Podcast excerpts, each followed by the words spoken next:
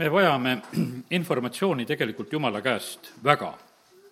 me elame siin selles maailmas, kus on infot hästi palju ja igal informatsioonil on oma allikas ja igal informatsioonil on ka kindlasti oma eesmärk. jumalal on oma eesmärk, kuradil on oma eesmärk, inimestel on omad eesmärgid ja, ja sellepärast me peame nagu märkama ka seda, et kuskohast tuleb informatsioon ja siis me võime mõista ka seda eh, teatud määral juba, et eh, mis on nagu selle taga, mis on eesmärk, kuhu poole see tahab nagu meid viia. Jeesus hoiatas oma jüngreid variseride ja, ja ka samuti Herodese haputaigna eest. ja just nende õpetuse eest, selle, selle eest, mida nemad, nemad, nemad räägivad. Ma teen lahti siin kohe ühe sellise koha, kus on Mattiuse evangeeliumis Jeesuse poolt paljastatud, Mattiuse kakskümmend kolm, viisteist. mul on täna nii, et ka enamus piiblisalmid on vaja piiblist leida ja sellepärast sa võid täitsa samamoodi püüda piiblit lehitseda, jõuad ka kaasas olla sest silmamälu on niikuinii väga tugev asi ja, ja sellepärast on nii hea, et meil on kirjutatud Jumala sõna. ja siin issand ütleb nõnda, häda teile, kirjatundjad ja variserid, te silmakirjatsejad, te rändate läbi mered ja mandrid, et pöörata kas või üks oma usku. ja kui see sünnib, siis te teete temast põrgulise, kahe võrra niisuguse, kui te ise olete vaata, kui vägev asi on informatsioon. vaata, selles on niisugune kasv ja selles on selline mõju. ja Jeesus ütleb selle, selle välja, et kui keegi käib mingisuguse eesmärgi ja plaaniga, nad on mingisugused kirjatundjad ja oma arusaamisega ja, ja, ja need variserid, ja nendes on silmakirjalikkus ja kui nad suudavad seda edasi anda, siis issand ütleb, et see täiesti võimsalt ka lausa võim, võimendub. alguses nad tahavad teha nagu omasugust, aga näed, see asi läheb hoopis palju, palju suuremaks. Nüüd me näeme seda, et poliitikutel on omad, omad asjad ja nemad püüavad rääkida, miks nemad kõiki neid tarku asju teevad ja tahavad, aga ma ei jää täna ka otseselt nende asjade juurde, võtan Apostlite tegude raamatust kaks näidet ja seda, millises keskkonnas just sageli ka poliitikud on. teen lahti siin ühe näite kus on Apostel Peetrus, see on, tema on seal Samaarias. Ja seal on selline moment, kus Samaaria on vastu võtnud jumala sõna, inimesed on tulnud seal juba päästmisele ja üks nõid Siimon samamoodi on saanud päästetud, võttis vastu issanda aga põhimõtteliselt oli niimoodi, et see linn oli ennem olnud väga tugevalt just tema mõju all. nii pisikesed kui suured, kaheksanda peatüki kümnes salm räägib seda.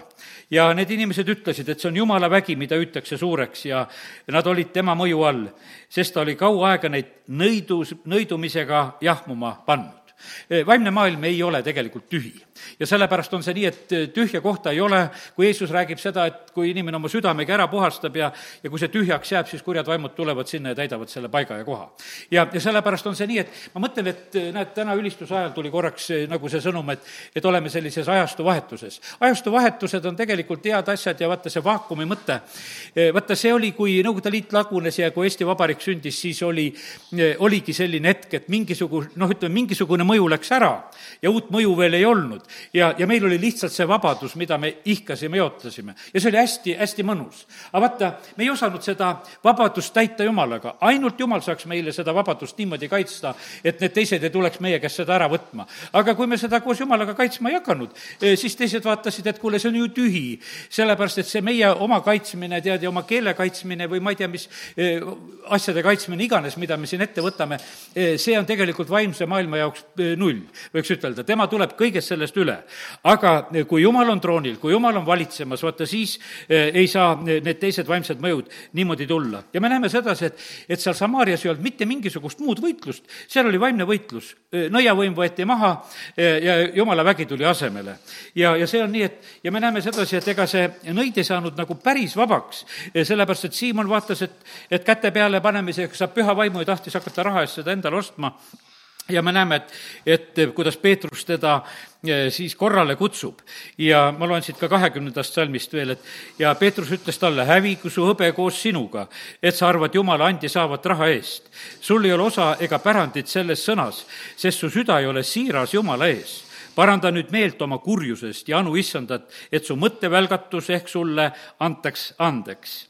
ja sest ma näen sind olevat täis kibedat sappi ja ülekohtu köidikus ja Siimon, kui ta kõik selle ära kuulnud, siis ta palub, et kuule, et eh, paluge minu eest, et minu peale ei tuleks midagi sellest, mida te olete öelnud. ta nõiana sai aru küll seda väga hästi sedasi, et kui asju öeldakse, siis sellel on tagajärjed ja asjad ja sellepärast ta eh, muutus väga ettevaatlikuks ja oli valmis eh, sellist palvet paluma. ja, ja kallid, sellepärast vaata, olukorrad siin selles maailmas on, on, miski on valitsemas. meid valitsevad need vaimsed mõjud, mis on, meid valitsevad need informatsioonid, mis tulevad ka just nende kaudu. nüüd eh, järgmise näite võtan Apostel Pauluse eh, tegevuse ajast. Ja, ja siin on nii, et Apostel Paulus läheb oma missioonireisile ja see on esimene missioonireis, millel ta üldse läheb. ja üsna kohe ta tegelikult põrkab kokku nende vaimsete jõududega. Ja ta jõudis siis sinna eh, Küprose saarele, Apostlite teod kolmteist neli on räägitud sellest, ja siis nad seal käivad ringi ja käisid läbi terve saare, kuues salm ütleb, Pahvosest saadik ja sealt nad leidsid ühe juudi nõia ning valeprohveti nimega Bar-Jeesus. no see nõid ja valeprohvet eh, oli siis nagu, ma saan aru, sellises ühes, ühes isikus. leidsid selle eh, nõia ning valeprohveti nimega Bar-Jeesus. ja, ja see oli maavalitseja Sergius Pauluse juures, kes oli mõistlik mees. ja, ja nüüd see maavalitseja kuulas eh, seal Sauluse ja Barnabase juttu ja seda jumala sõna ja soovis teda vastu võtta.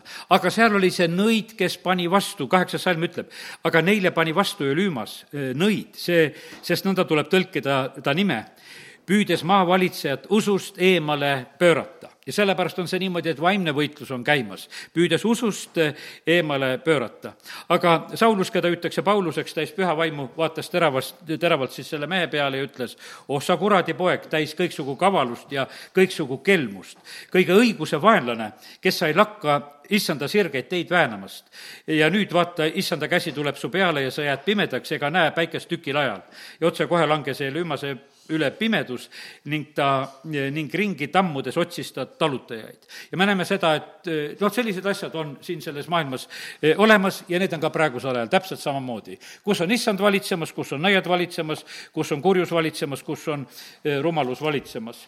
Eh, Jeesuse vend Jakobus oma kirja kolmandas peatükis ütleb nõnda, ma loen siit viieteistkümnendast salmist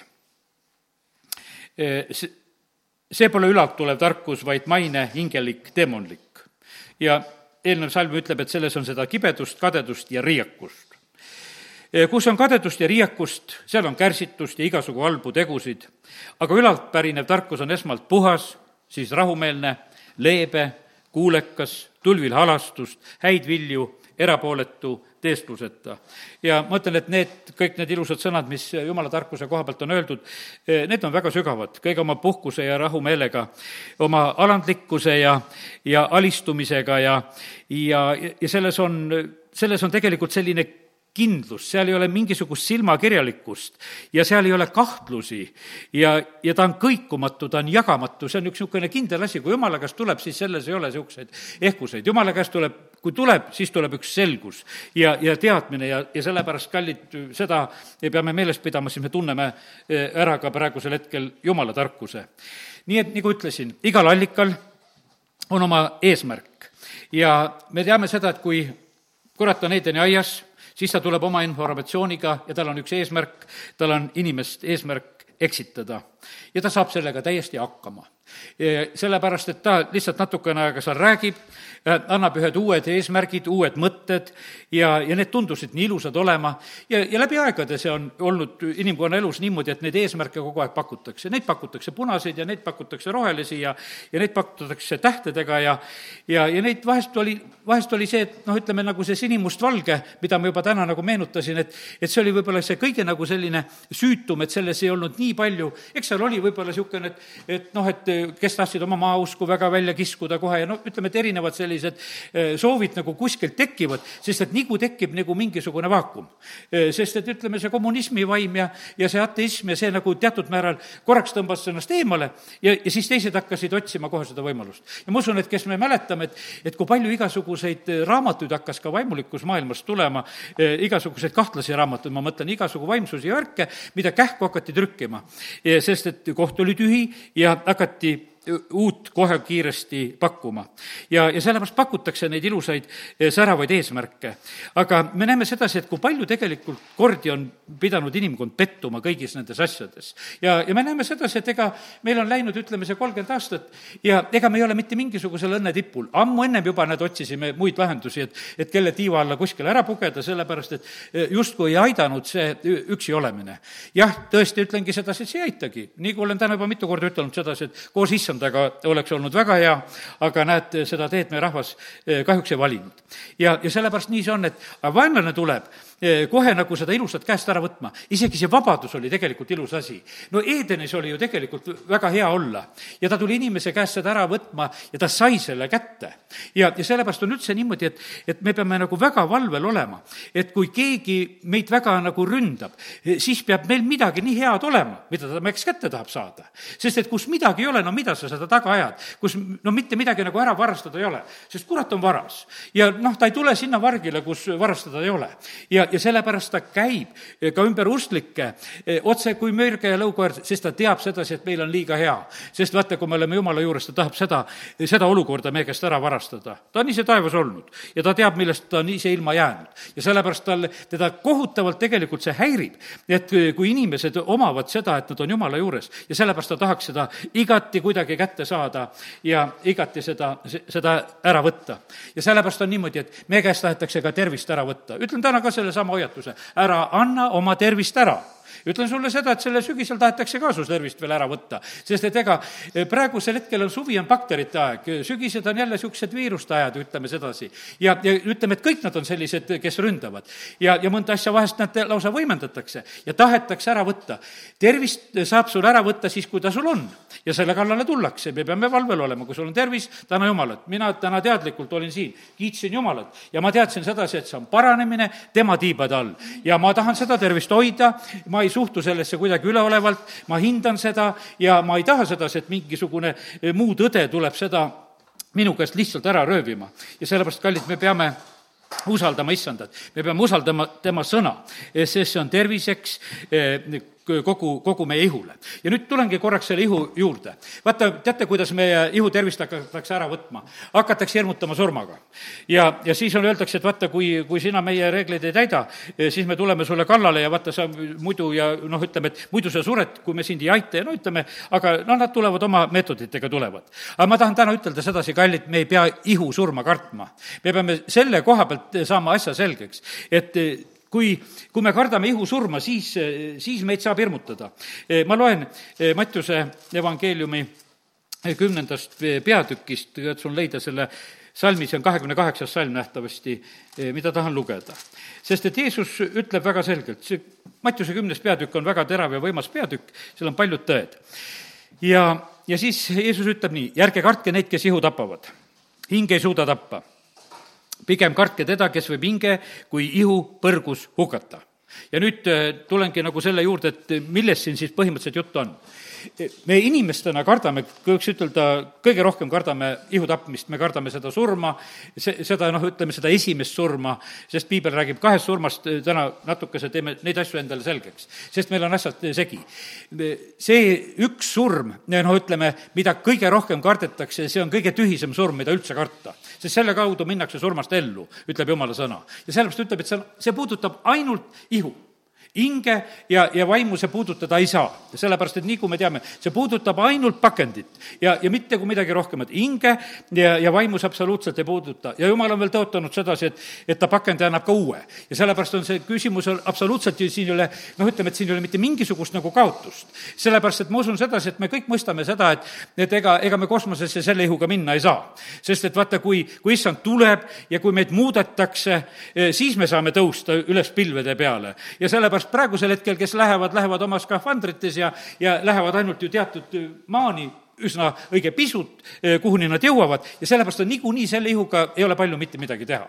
Eh, aga vaata, meil on see kõige tähtsam, sest et no kust ma tean seda, iga, iga kord on palvesoovid ju selle, selle kesta koha pealt, sest sellega me tegeleme.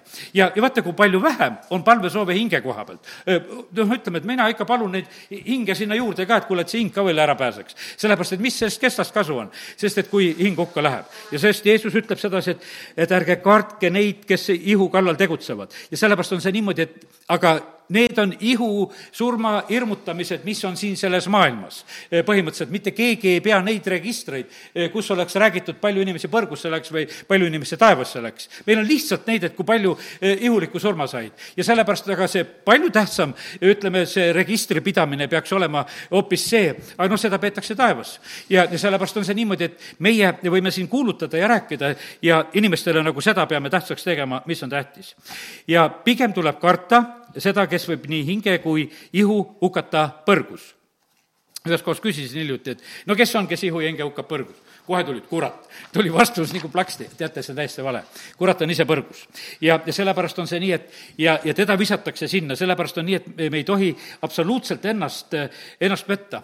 teate, kes, kes meid põrgusse heidab, see on tegelikult Jumal ja, ja see on niimoodi, et vaata, see, see nagu meile ei klapi, vaata see niisugune armastuse evangeeliumi kuulutajad on niimoodi, et nad ei suuda nagu seda alati rääkida, aga see on kohutav asi, kui me sellest ei räägi. ja, ja sellepärast, et issand on see, ma loen siit Mattiuse evangeeliumist, Mattiuse kakskümmend kaks ja, ja kolmteist. Näiteks, lihtsalt selliseid Jeesuse eh, sõnu loen praegusel hetkel. Siis äh, kuningas ütles teenijatele, siduge tema jalad ja käed ning visake ta välja pimedusse. seal on ulgumine ja hammaste kiristamine. see on Jeesuse tähendamissõna kuninglikust pulmast, seal on keegi sõber, kes on ilma pulmarõivata saanud pulma. Ja siis on niimoodi, et vaata, kuidas öeldakse, et seal seotakse käed ja jalad ja visatakse välja äh, pimedusse, seal on ulgumine, seal on hammaste kiristamine. kakskümmend viis äh, kolmkümmend siitsamast, need on Jeesuse tähendamissõnadest tulevad salmid ja, ja siin on nõnda öeldud. ja kõlbmatu sulane, heitke välja kaugele pimedusse, seal on ulgumine ja hammaste kiristamine. jutt oli ainult nendest talentidest, mis anti ja see, kes oli ühe saanud, osutus selliseks, kelle kohta tuli selline otsus, et sina lähed hoopis hukatusse. kahekümne viienda peatüki neljakümne esimeses salmis on öeldud niimoodi, siis ta ütleb vasakul käel olijatele, minge minu juurest ära, te ära neetud. Igavesse tulle, mis on valmistatud kuradile ja tema inglitele ja sellepärast on see niimoodi, et me näeme, siin ei ole mitte mingisugust kuradi sõnavõttu, mitte mingisugust kuradipoolset kohust, et kes kuhu läheb, vaid et e, kurat saab oma kohtu ja on e, kohus tema üle juba tegelikult mõistetud. E, ta on veel lihtsalt noh, ütleme, vabas jooksus, seni kuni kord ta sinna tulejärve visatakse. vahepeal seotakse veel tuhandeks aastaks kinni ka, nagu sõna meile seda räägib. aga kallid, nii me peame lihtsalt meeles pidama seda, et vaata, see on see ohtlik asi, millele me peame mõtlema. sest et kui kui, kui me saame selle otsuse ja, ja vaata seda, seda taeva saamise otsust ei saa selle tõttu, et oi, kui ilus ihu sul on.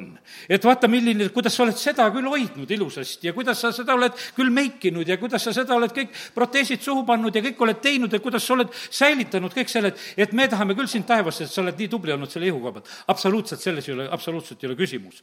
sellepärast, et hoopis me, meie südamesse vaadatakse, milline on meie hingeolukord ja sellepärast, kallid, see peab saama meile selgeks. noh, ma tulen niikuinii sinna, kus eh, Paulus räägib seal esimeses Korintuse kirjas, et eh, noh, kuidas me vahest ainult selles elus eh, tahame koos oma issandaga elada ja see on kõige õnnetum tegelikult olukord. kakskümmend viis, nelikümmend kuus ja need lähevad igavesse karistusse, aga õiged igavesse ellu. siin on ikka see suur rahvaste kohtust jutt ja need vasakul käel olijad lähevad igavesse karistusse ja õiged igavesse tulle. ma tean sedasi, kauplemine käib selle üle, et noh, kas karistus on igavene või ei ole. no ma siit loen sedasi, et igavene karistus on. ja, ja sellepärast on see nii, et sest et vaata, inimestele nagu meeldib noh, nagu kõike kuidagi nagu oma mõistusega lühendada. me ei oska seda igavest elugi ette kujutada ja me ei oska seda igavest karistust ka ette kujutada. ja, ja sellepärast, aga issand räägib oma sõnas meile väga-väga selgelt neid te, tegelikult neid asju. ja nüüd eh, ma võtan ilmutuse raamatust kohe kahekümnenda peatüki eh, neljateistkümne, kümnenda salmi ja, ja ja neljateistkümnenda ja viieteistkümnenda salmi ka, teen ikka piiblist lahti. mõned salmid on ilmutuse raamatust ja mõned on välja trükitud, neid varsti ka loen. aga teeme lahti ilmutuse kakskümmend, kümme ja, ja sealt saame teada vägevaid tõdesid. Kurat, nende eksitaja, kellest ma olen täna rääkinud, et ta püüab eksitaja, eksitada, visatakse tule ja väävli järge, järve kus on ka metsaline ja valeprohvet. ning neid piinatakse päevad ja ööd igavesest ajast igavesti. ja loen ka salmid neliteist, viisteist siitsamast. surm ja surmavald visati tulejärve. See on teine surm, tulejärv. teine surm on tulejärv see esimene füüsiline surm, millega meid siin hirmutatakse, aga vaata, seda teist surma, seda tulejärve peab kartma. ja keda iganes ei leitud eh, eluraamatusse kirjutatud olevat, need visati tulejärve ja vaata, kui tähtis on sellepärast olla, eh, et su nimi on taevas kirjas, et su nimi on eluraamatus kirjas, need on tegelikult eh, niivõrd tähtsad asjad. ja sellepärast, kallid, see ei ole mitte mingisugune eh, kõrvalteema praegusel hetkel, millest ma räägin. Mattiuse kaheksateist kaheksa Jeesus räägib, et kui, kui su käsi või jalg sind ajab patustama, raiu ta ära ja heida minema, sest sul on parem minna käteta või jaluta ellu, kui kahe käega või kahe jalaga olla visatud igavesse tulle ja, ja sellepärast on see niimoodi, eh, noh, ütleme, et ma rõhutan praegusel hetkel seda igavese eh, karistuse osa siin ka. ja igavest elu eh, tõotab meile jumala sõna, Mattius üheksateist kakskümmend üheksa, kes on maha jätnud majad, vennad, õed või isa või ema, lapsed või põllud minu nime pärast, saab tagasi sajakordselt, no see praegusel ajal, aga ka pärast saab, pärib igavest elu nüüd on nii, et kakskümmend viis eh, peatükk, me juba neid salme lugesime, eh, Johannese evangeeliumist, Mattiuse kahekümne viiendast me lugesime, aga Johannese viiendast peatükist eh, loen kahekümne neljanda salmi.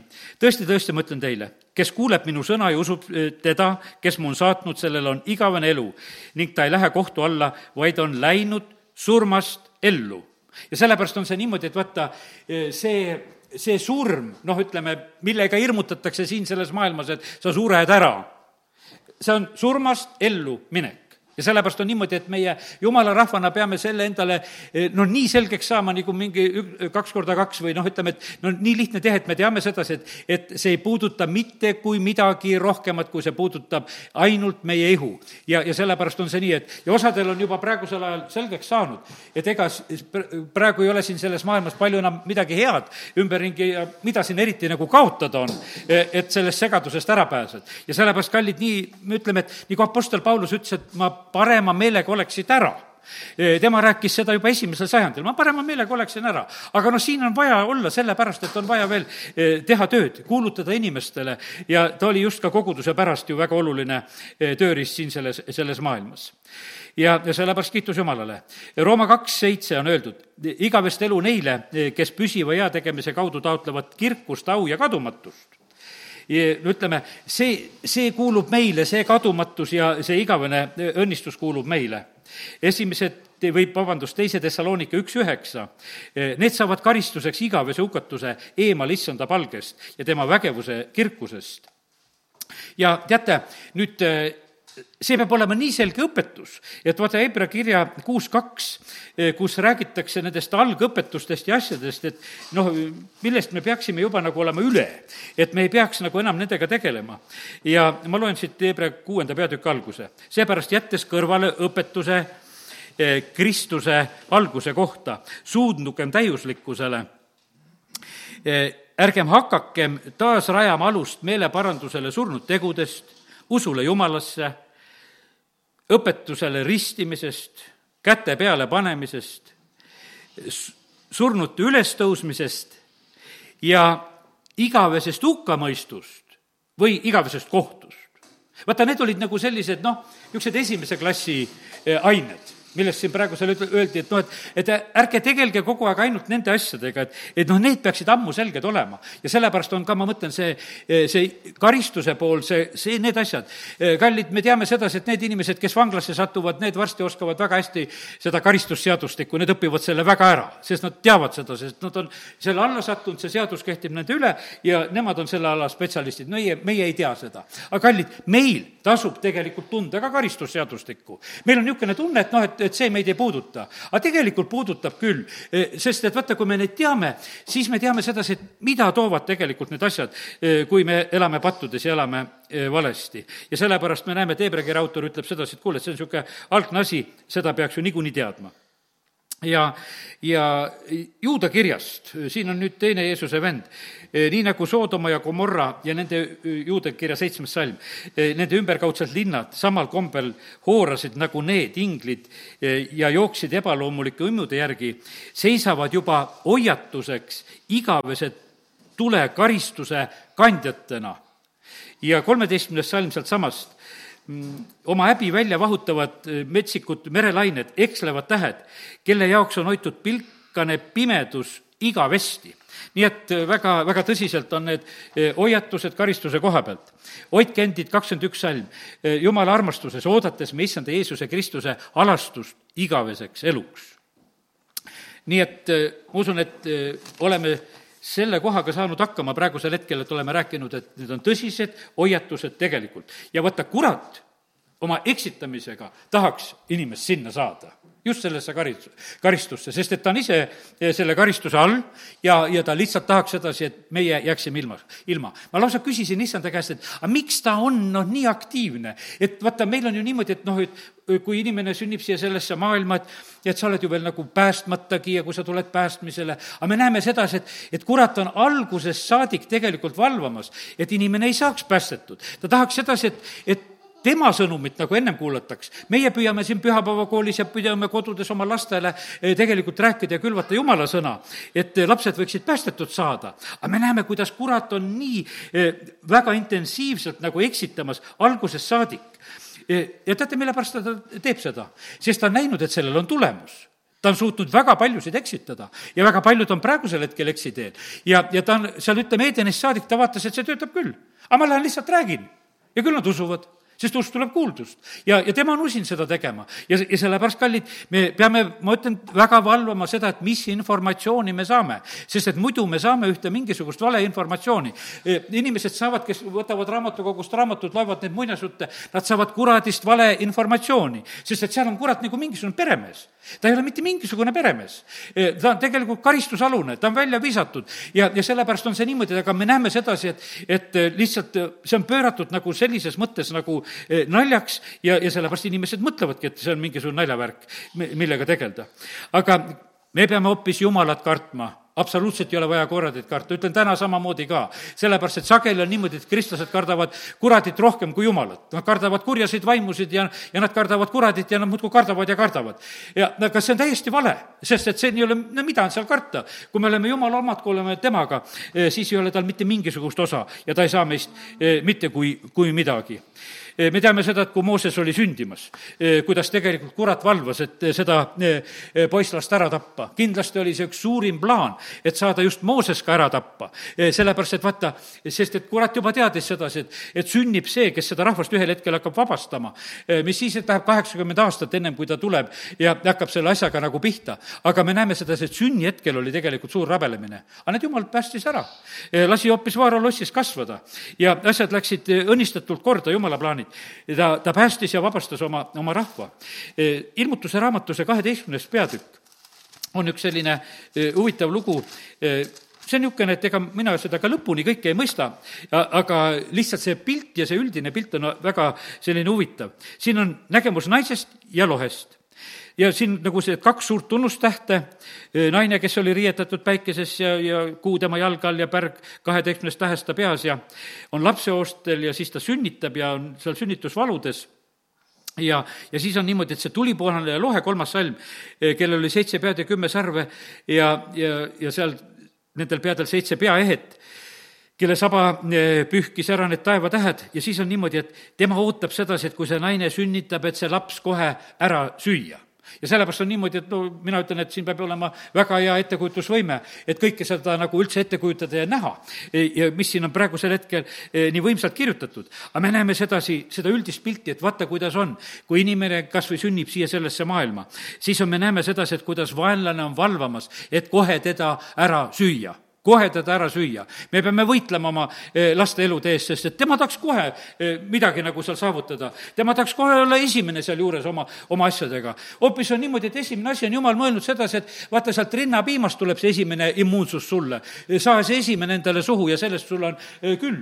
ja, ja sellepärast on see, jumal on kõik targasti loonud. aga me teame seda, et, et kuidas on praegusel hetkel kõik see teadus ja tarkus on vahele tulnud ja, ja püüab, püüab hoopis kuidagi oma kätte saada. ja, ja sellepärast sellepärast nii ta on.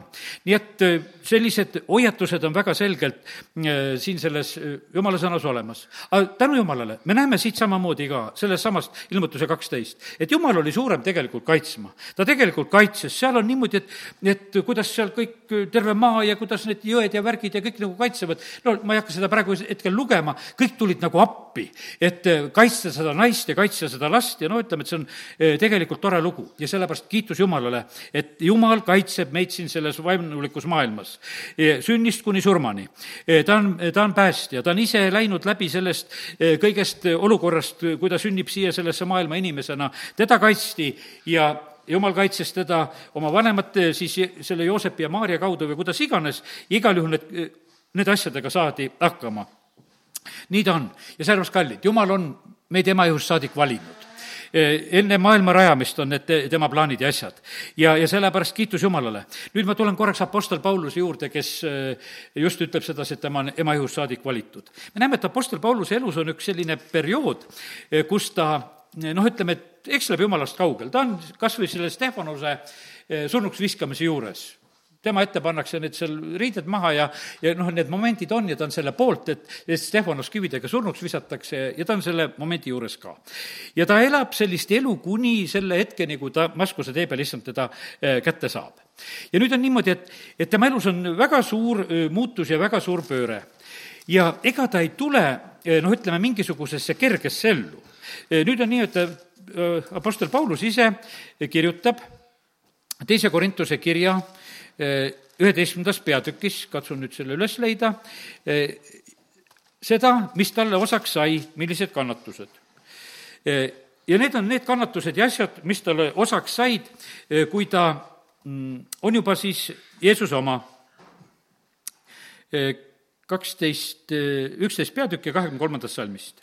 Nemad on Kristuse teenrid, ma räägin pööraselt, mina rohkem ma olen palju rohkem vaeva näinud, palju rohkem vangis olnud, eh, saanud palju eh, rohkem seal hoope, tihti olnud surmasuus viis korda saanud ühe hoobi vähem kui nelikümmend, kolm korda keppidega pekstud, üks kord püütud kividega surnuks visata, kolm korda olen üle elanud laevaauku, terve öö ja päeva olen olnud veevoogudes tihti olnud teekondadel ohus, jõgedel ohus, röövlite käes ohus, oma rahva seas, ohus paganate seas, ohus linnades, ohus kõrbes, ohus merel ja valevendade käes töös ja vaevas, tihti valvamises, näljas, janus, tihti paastumises, külmas ja alasti peale kõige muu päevast päeva äh, rahva kokkuvool minu juurde mure kõigi koguduste pärast. Nonii, no kas igatsed niisugust elu? kui, kui, kui saad sellise noh, et ütleme, et tule Kristuse juurde ja, ja su tulevik on selline ja talle öeldi tegelikult, et sa saad palju kannatada ja palju kannatada sai. nüüd ta teeb siin lihtsalt Korintuse kirjas, teeb ühe niisuguse kokkuvõtte. aga vaata, kui vägev on nagu mõelda selle peale, et, et mida ta tegelikult teeb Philippi kirjas. kui ta nüüd mõtleb oma endise elu peale kus ta sai ülempreestrite käest kirjad kaasa, kus ta käis kui peremees ringi, ta võis seal siduda, ta sõitis hobusega, tal oli noh, ütleme, kõik need eelised ja värgid, ta ju kukkus seal hobuse sellest maha, eh, kui Jeesus teda kõnetas. tal oli transport, tal olid kirjad, tal olid eelised, ta oli igati tehtud mees ja nüüd on niimoodi, tuled Kristuse juurde, nüüd oled seal peksa saanud ei tea kui palju kordi ja, ja nii palju igasugu hädasid, mida me praegusel hetkel lugesime. aga kuidas ta ise suhtub? ja Philippi kirja kolmandast peatükist ja seitsmendast salmist võime lugeda, kuidas ta võrdleb siis oma endist ja praegust elu. kuid mis mulle oli kasuks? see oli talle kasuks, see eelmine elu tõesti. seda ma olen arjanud, arvanud kahjuks Kristuse pärast. ja mis ta eelnevalt kirjeldab viiendas salmis seda ka oma päritolu õigust ja mis tal oli. ma olen ümber lõigatud kaheksandal päeval, olen Iisraeli soost Benjamini suguharust, Hebra rahvast sündinud Hebra mees, seaduse järgi variser, innukuse poolest koguduse tagakiusaja, seadusest tuleneva õiguse poolest laitmatu. noh, supervärk tegelikult on nii. aga ta ütleb, et aga ma arvan kõik selle kahjuks, ja olen valmis kõik need peksmised ja, ja kõik need asjad ja kividega viskamised ja kõik, mis mul on osaks saanud, neid tõstma kõrgemaks. jah, enamgi ma pean kõike kahjuks issanda Jeesuse Kristuse kõike ületava tunnetuse kõrval. tema pärast ma olen eh, minetanud kõik selle ja pean seda pühkmeiks, et saada kasuks Kristust ja sellepärast on nii, et kallid, issand lasi tal eh, eelmises eluperioodis nagu noh, ütleme, kõike nagu proovida, mis saada oli. ja nüüd on niimoodi, et, et tal ei olnud enam mitte mingisugust kiusatust, et ma lähen seda tagasi proovima ta suutis nagu hinnata sedasi, et need kannatused, mida ma praegusel hetkel elan nüüd koos Kristusega, on ikkagi rohkem väärt kui kõik see au, mis mul tegelikult ennem oli. kõik need võimalused, mis mul ennem oli. ja, ja sellepärast on ta nii, et ja ta Korintuse kirjas seal ütleme, teise kirja neljanda peatüki lõpus nimetab sedasi, et ta peab seda selliseks kergeks viletsuseks.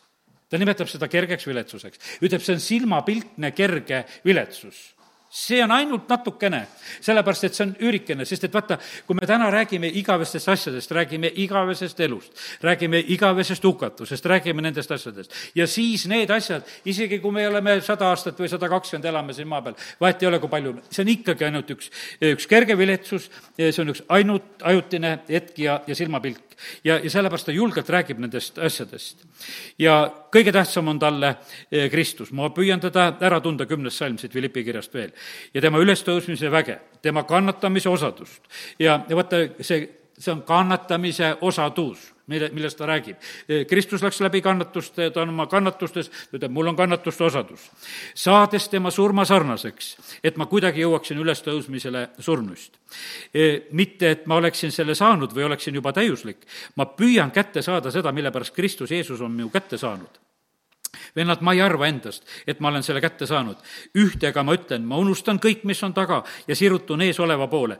püüdlen sihtmärgi poole, Jumala üleva kutsumise võiduna poole Kristuses Jeesuses. kes meist on täiuslikud, mõtelgem just samal viisil ent kui te mõtlete midagi teisiti, küll jumal ilmutab teile ka selle. ja, ja kallid, ma täna räägin, noh, ütleme seda mõtet selle koha pealt, et vaata, meil on informatsioon. informatsioon annab meile eesmärgi ja informatsioon, mis tuli Jeesuse käest, andis Paulusele selle taevase eesmärgi. no muidugi tal olid suured, suureks abiks olid need võimsad ilmutused, mis ta osaks sai. sest et vaata, need taevased ilmutused ja asjad, vaata sellepärast ta suudab kõike nagu seda eh, pühmeks arvata. sest praegu me nendest nagu ei rääkinud, me rääkisime rääkisime ainult sellest eelmisest elust, äh, rääkisime nendest kannatustest, mis olid, aga tal olid vahepeal need suured taevased ilmutused. ja sellepärast oli see, see oli kõik teinud tühjaks. Äh, see oli, ütles, et see ei, ei tule üldse nagu kõne allagi, millest siin enam rääkida. see on täielik mõttetus, äh, kui neid, nendest asjadest rääkida. ja sellepärast, kallid, meil peab saama see taevas nii konkreetseks, niisuguseks kindlaks eesmärgiks, et me kõik need muud asjad kannatame kuidagi lihtsalt ära. me usu e-, eesmärk on hingede pääste, nagu Peetrus kirjutab oma esimese kirja esimese peatüki üheksandas salmis. ja sellepärast, kas see on sinu eesmärk? või ma mõtlen sedasi, et või on see Kristus meil lihtsalt siin üks maapealne abiline, kelle, kellega me lihtsalt suhtleme, et meil on vahest vaja teda, sest et meil on siin praegusel hetkel raske. sest me näeme seda, et sageli on, enamuses on niimoodi, et, et meil on need probleemid ja asjad on ju siin, mida me lahendame. aga esimese Korintuse viisteist üheksateist, kui me loodame Kristuse peale üksnes selles elus, siis me oleme kõigist inimestest armetumad ütleb Paulus, ütleb julgelt välja, ütleb, see on täielik noh, ütleme möödapanek. kui meie ainult selles elus tahame Kristuse peale loota, kui, kui meie eesmärgid ei ole kaugemad ja sellepärast vaata, kui, kui sinu eesmärgid ei ole igavesed, kui, kui sinu eesmärgiks ei ole igavene elu, kui sa ei lähtu nagu sellest, vaata, noh, sul ei saagi siis olla ju, võiks ütelda, seda igavest eesmärki, kui sa selleni ei ole nagu mõelnud. ja sellepärast, kallid, selle asja peab tegelikult korda saama. sest et muidu noh, me paneme midagi väga valesti. elada elada eh, noh, ütleme, seda elu koos Kristusega, noh, ütleme, nagu naine on Samaaria kaevul. ja noh, tal on jänu ja Jeesusel on ka jänu. ja selle vee järgi, mis on seal selles Jakobi kaevus, mille ääres nad seal istuvad. ja üks päeva probleem ongi see, et no kui saaksime selle vee sealt kaevust kätte, joome ja meil on hea olla aga Jeesus ütleb sellele naisele, aga kui sa teaksid Jumala andi ja kui sa teaksid, kes sinuga räägib, siis sa paluksid, et ta annaks sulle seda e, igavest vett mis saab allikaks ja hakkab igavesse ellu voolama. kui sa teaksid, kui sa sellest asjast aru saaksid, kui, kui sa teaksid, et kui sa tuled Jumala ette, et siis ta lahendab neid asju, mis sul on ajalikus elus, aga ta lahendab su igavesed asjad ka ära. ja kui su igavesed asjad on ära lahendatud, eh, pastor Šapovalov, mul jäi seal arusaamatuks natukene, ta oma ühes jutluses rääkis seda, kuidas tal see üks mingisugune tolmuimeja kaupleja eh, tuli kangesti kiitma, kui hea tolmuimeja annab ja ei, vabandust, see oli vist, tal on tolmuimeja kaupleja ka käinud, aga see oli eh, selle valvesüsteem ajale. ütles, et noh, et ja ma ei saanudki lõpuni aru, mida ta nagu ütles, ta ütles sedasi, et noh, et, et see pidi olema väga parim, maailma parim valvesüsteem, mida sa saad, ja ta lasi seda väga tutvustada väga pikalt ja ta noh, ei võtnud seda muidugi. lõpuks ütles, et mul on kõige parem valvesüsteem. aga ma jäin kahtlema, et, et kas ta pani Jeesuse selle kõige paremaks valvesüsteemiks või oli tal juba hea süsteem. aga kallid, meil peab olema kindel see, et noh, meil on igal juhul on kõige parem valvesüsteem meil on igal juhul kõige varmem süsteem olemas. no mis siis, kui sa laed oma äh, mobiili täis? Tühjaks ta saab niikuinii ühel hetkel. Mis siis, kui sa paned oma bensiinipaagi täis, niikuinii tühjaks ta saab ühel hetkel. Öeldakse, et torm tuleb, siis pange tead kõik täis ja siis te olete valmis.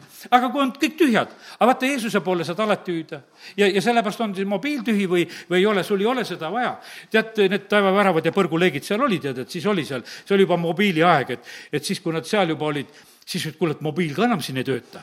et mis, mis jama siin on praegusel hetkel, et see ei tööta. ja sellepärast on kallid, nii, nii me jääme hätta sellega. Sellepärast on niimoodi, et me ei saa eh, ainult oma eluasju niimoodi lahendada, et eh, kui me oleme siin maa peal asju lahendamas ja mõtleme, et meil on kõik korras. hiljuti kuulsin siin üks vend, tunnistas üks, no üks Eesti ärimees eh, seal noh, Nõmme koguduses, kus ta rääkis seda, siis ütles, et noh, oli rikas mees. ütles, et aga janu tuli nii kätte no nii tuli kätte, et mis siis, et no mul mitte midagi ei olnud puudus. aga noh, kahekümneselt oli päästetud saanud ja, ja hiljem, eh, hiljem oli jumalast eemale jäänud ja ärid ja asjad läksid hästi, ema muudkui palvetas ja ikka läks hästi.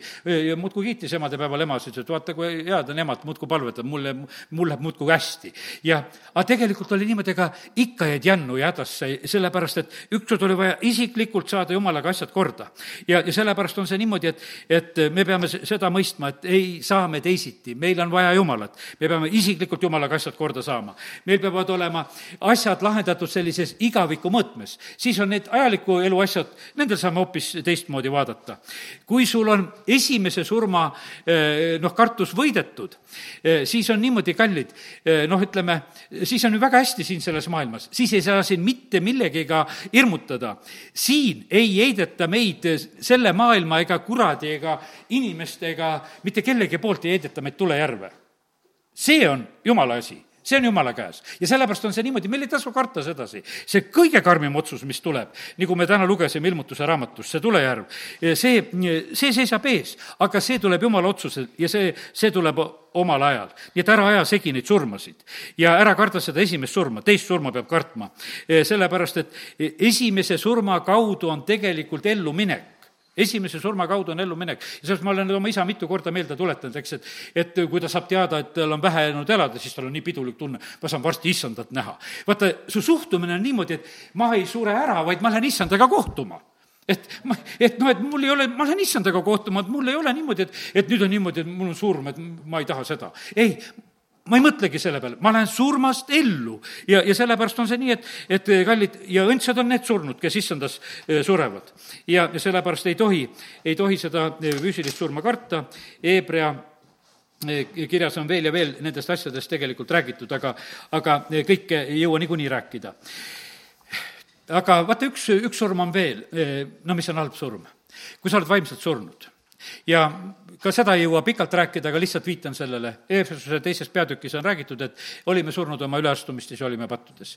ja meid on Jumala poolt elavaks tehtud. ja vaata, sellepärast ohtlik olukord on nendel inimestel, kes on, ütleme, kes pole päästmisele tulnud, kes pole ülevalt sündinud, kes, kes ei ole nagu seda kätte saanud, vaata, nemad peavad sellest surmast välja tulema. siis on, ei ole sellel esimesel surmal mitte midagi teha. ja ma ütlen, et ja see on hoiatus tegelikult kogudustele ja kõigile, sest et me näeme, kui Jeesus kirjutab kogudustele need sõnumid, ilmutuse raamatu seitse kirja, no seal on erinevad asjad, mõnede kohta ütleb, kuule, te olete nii suremas seal ja, ja siis ta räägib erinevat neid ohtusid ja, ja kõike, mis tegelikult on.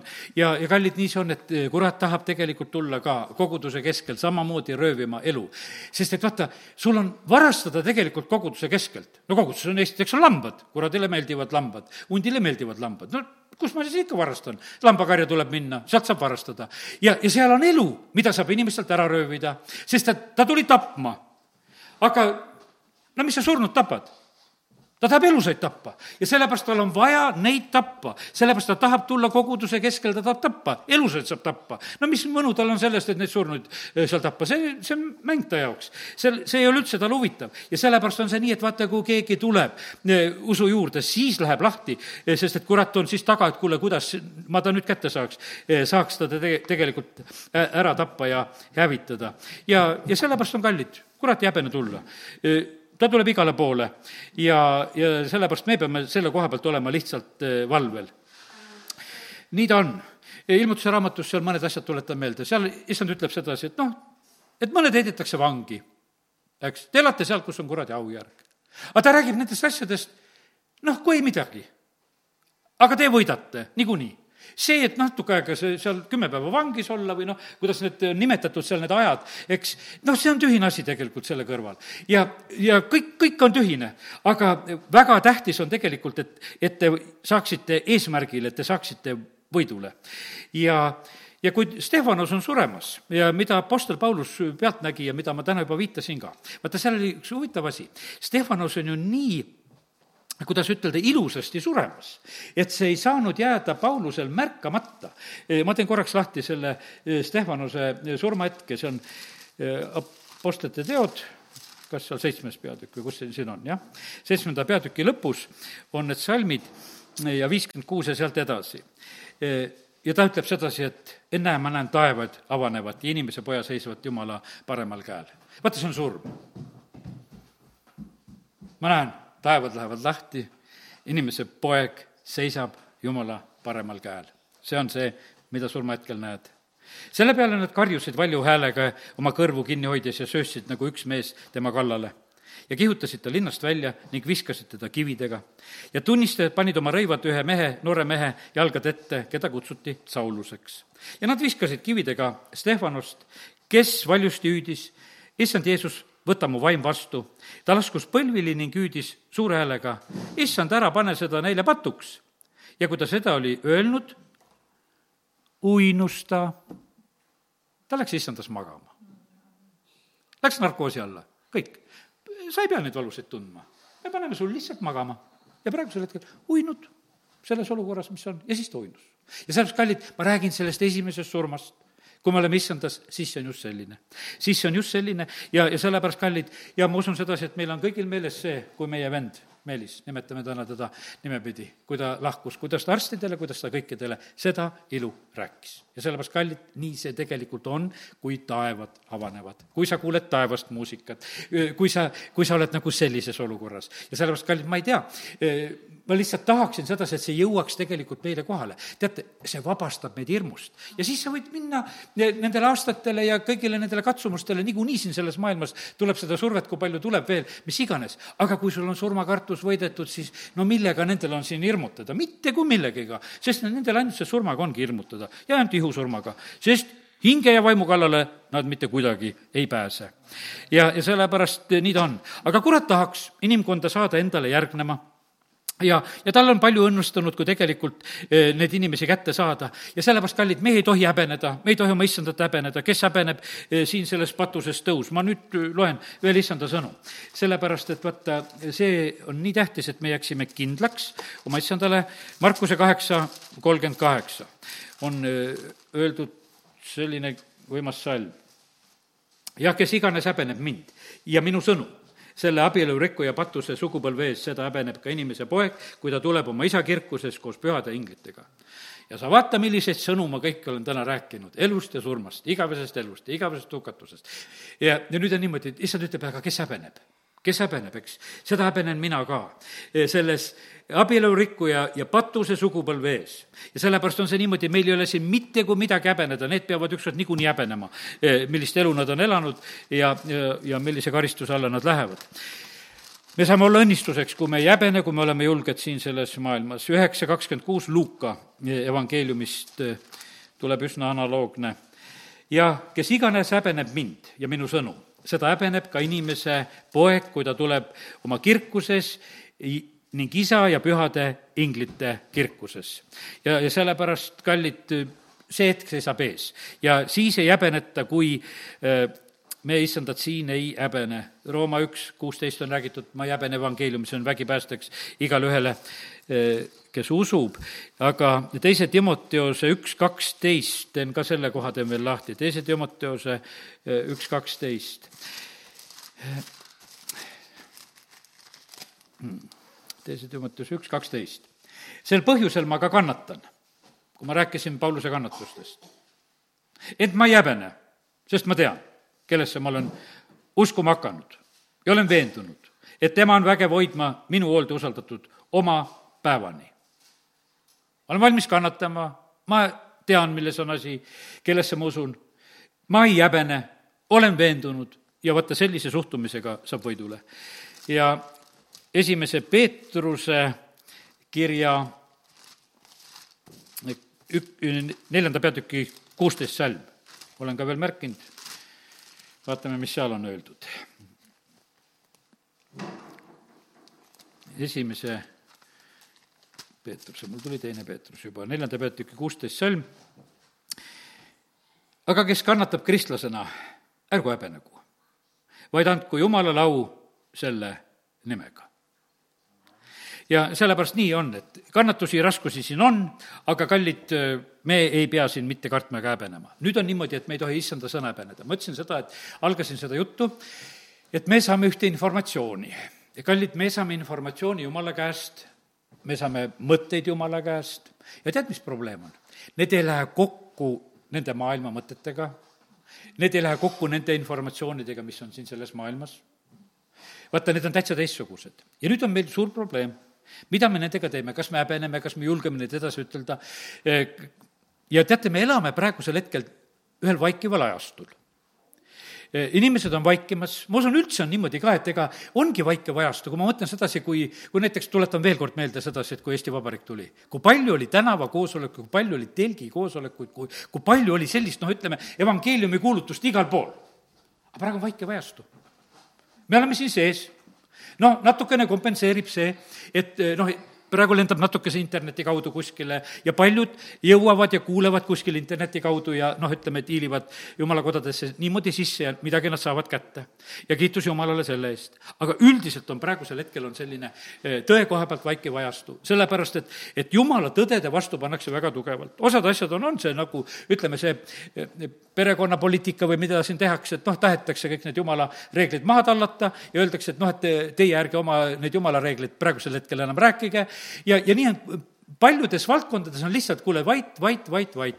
ja noh, muidugi kurb on näha sedasi, et kui kogudused korjavad üles ka eh, hoopis need teemad, mida siin maailm ümberringi kuulutab ja, ja käivad nagu seda takti, eh, käiakse nagu selles ka. ja sellepärast issand ütleb, aga kes mind häbeneb. ja sellepärast, kallid, see on, see on tegelikult selline suur probleem. me sageli on niimoodi, et me peame nagu, kuidas ütelda, seda jumala tõde, pead rääkima nagu sõnu, sõnu valides noh, ütleme, et, et sa saaksid nagu seda rääkida. aga issand tegi seda samamoodi, me, ma täna lugesin Johannese evangeeliumi ja seal on niimoodi ka samamoodi, kui Jeesus läheb pühadeks Jeruusalemma, ta läheb salaja, ta peidab, aga siis ühel hetkel on ta seal, kus ta hüüab, ma räägin piiblikoolis tegelikult sellest, aga kus ta ühel hetkel hüüab seda tõde. tulge minu juurde, jooge sellest, eks on niimoodi. ta on tegelikult sellel ajal tagaotsitav ta on see, keda ära tahetakse tappa. ja ta läheb ja siis ta seal Jeruusalemmas hüüab. siis on teised imestunud, et aga miks teda kinni praegusel hetkel ei võeta, ta on ju määratud kinnivõtmisele.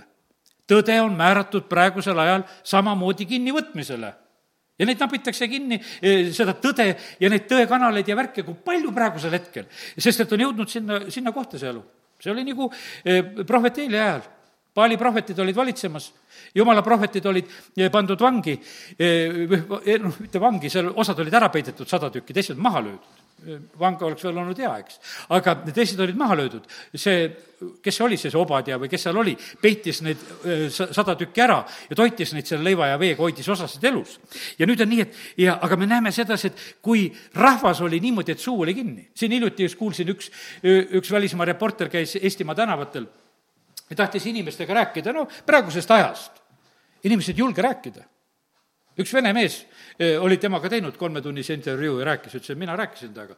aga ütles, et ei, no ma sinu juttu küll kuskile seda panna ei saa, sellepärast et sa rääkisid niimoodi. sest et ta rääkis tõe välja. et vaata, see on niimoodi, vaata, et tõde ei ka kõlba kuskile, sellepärast et vaata see, teate, praegu on selline aeg, nagu on öeldud, kus kohas on öeldud, et see on Jesaja raamatu viiskümmend üheksa, neliteist, viiskümmend üheksa, neliteist, ega siin maailmas midagi uut ei ole, siin kõik need asjad korduvad lihtsalt.